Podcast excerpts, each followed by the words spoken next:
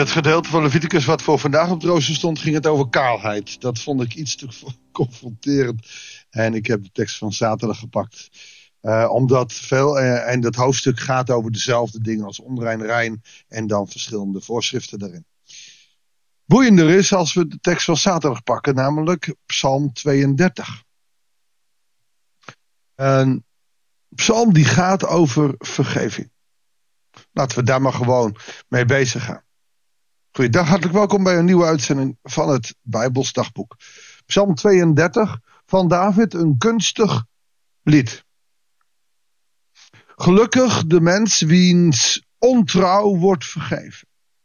Wiens zonden worden bedekt. Als je het hebt over vergeving.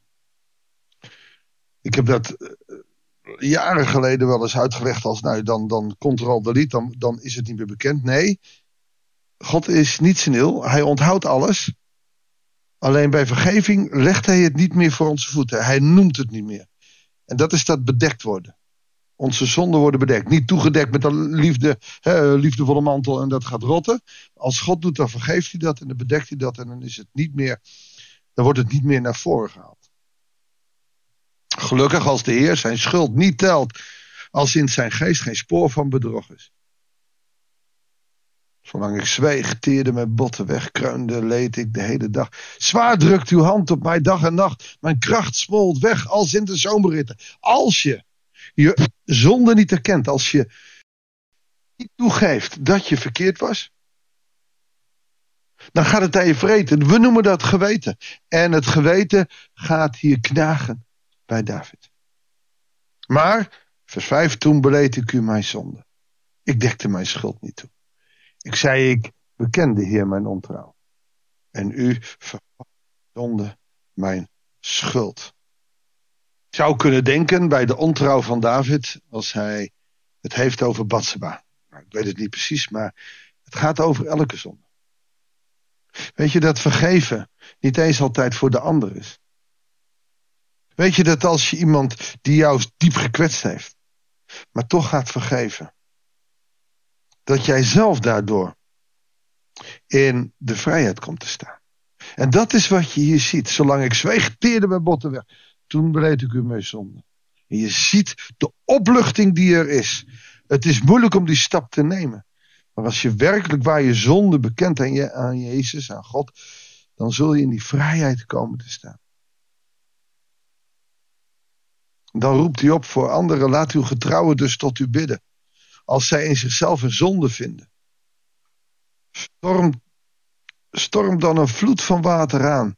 Die zal hen niet bereiken. Oftewel, vergeving zal je redden. Bij u ben ik veilig. U behoedt mij in de nood. U omringt me met gejuich van bevrijding. Als je schuld hebt, als je zondig bent, als je verkeerd gedaan hebt. En dan gaat het even in de vergeving ten opzichte van God. Heb ik nog eens ten opzichte van je naaste. Maar dat gaat aan je knagen. Dat gaat enorm aan je knagen als je heel bewust gaat leven. En, en je kan dan een gevoel van onveiligheid krijgen. Dan krijg je opeens, wat Psalm 139, hij ziet me overal, dan wordt het onveilig. Hij ziet me, hij gluurt me. Big brother's watching me. Ik geloof niet meer in God. Het geeft afstand. Maar wanneer je beleidt, voel je de veiligheid weer tevoorschijn komen. En kun je zien dat, dat God weer die God is die liefde en genade geeft. Hij wil je zo graag vergeven. Hij wil in het reinen met jou zijn. Hij wil dat jij in het reinen met hem bent. En, en dat is wat vergeving doet. Dat is wat de houding van vergeving ook zou moeten zijn. Niet alleen maar, oh ik vergeef je. Nee, in de vrijheid van Christus te komen staan. Maar ook in de vrijheid van bijvoorbeeld relaties. En dat hoeft niet alleen maar man-vrouw te zijn. Het kan ook ten opzichte van vrienden. In welke vorm van relatie ook. Je mag in de vrijheid komen te staan als je elkaar vergeeft. En voor een relatie, of het nou man-vrouw is, of het nou een relatie tussen vrienden is, is het van enorm groot belang dat, dat je in de vrijheid komt te staan. En dat geeft jouw relatie een enorme boost. En wanneer jij dingen, nou, je leugentjes van best wel een beetje achter je houdt, dan kom je vast te zitten. Je komt enorm vast te zitten. En dat moet je niet willen. En dat komt tussen jou en, en, en, en, de anderen met wie je in relatie staat. Komt enorm ertussen te staan. Echtscheidingen. Vrienden die elkaar nooit meer zien. Het begint bij een leugentje om best wel. Het begint bij niet kunnen vergeven. Het begint bij. Als ik mijn naaste niet vergeef. Het is een houding. Het wordt een houding als je die goed doet. Dat, dat ook. Nou ja, dat je ook kan zeggen van ja, door die houding. Uh, kan ik in betere vrede leven met de ander. Maar erger ik me ook niet zo aan de ander. Heb je dat ook, dat je je soms aan, aan dingen ergert van een partner, van een vriend. En hoe meer dat wordt, maar als je leeft met jij, zo is iemand, iemand is anders. Dus eigenlijk al in vergeving leeft voordat de mensen anders doen dan jij, dan geeft dat enorme ruimte. Want je kan je soms zo beledigd voelen, ze doen dingen anders, maar daarmee is dat nog niet verkeerd. Iemand anders is gewoon anders. En soms gaat het nergens om.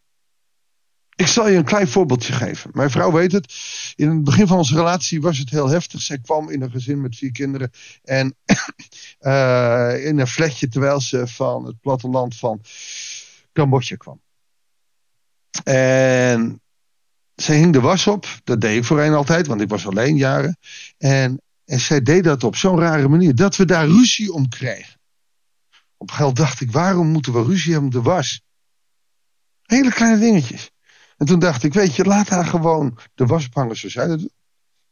Dat is niet zoals ik het wil, maar zoals zij het wil. Zij doet dat, dus dan moet ik me daar niet mee bemoeien. Dat is een vergevende houding. Daarmee heeft de ander nog geen zonde gedaan, maar je hebt die houding van vergeving bij. En je moet dus weten wat voor ruimte dat geeft. Laten we doorgaan. Ik geef inzicht en wijs de weg die je moet gaan. Ik geef raad op jouw rust, mijn oog. Wees niet redeloos als paard of ezels, die met bit of toon wordt bedwongen. Dan zal het geen kwaadje treffen. Nou, dit gaat over die levenshouding. Wees niet redeloos zonder reden. Ga niet dom als een paard een ezel. Nee. Heb die vergevende houding. Een slecht mens heeft veel leed te verduren. Maar wie op de Heer vertrouwt, wordt met liefde omringd. Als je door God wordt vergeven, als je in veiligheid bij Hem kan schuilen, dan zul je je verheugen in de Heer. Jubelen en juichen, omdat jij in de vrijheid van God staat. Als je weet dat Christus voor jou gestorven is. En, en leeft dat Christus voor jou gestorven is. Dan leef je in de vrijheid van Christus. En die is belangrijk. Mag ik met je bidden? Heere God, leer ons zo door de kracht van uw geest een vergevende houding. Dat het niet gaat om wat ik doe, maar dat de ander oké is. En dat is lang niet altijd makkelijk, want we hebben egootjes en we denken het altijd beter te weten. Heere God, maar daar alleen al geeft zoveel onrust. En dat is ook naar u. Wij weten het soms beter dan u. Heer, vergeef ons. Zie ons in uw genade aan. En, en leer ons op de harde manier die vergevende mensen te kunnen zijn. Opdat we weten dat we ook door u vergeven worden. Leer ons zo te leven in Jezus' naam. Amen. Dankjewel voor het luisteren. Ik wens je God zegen en heel graag tot de volgende uitzending van het Bijbelsdagboek.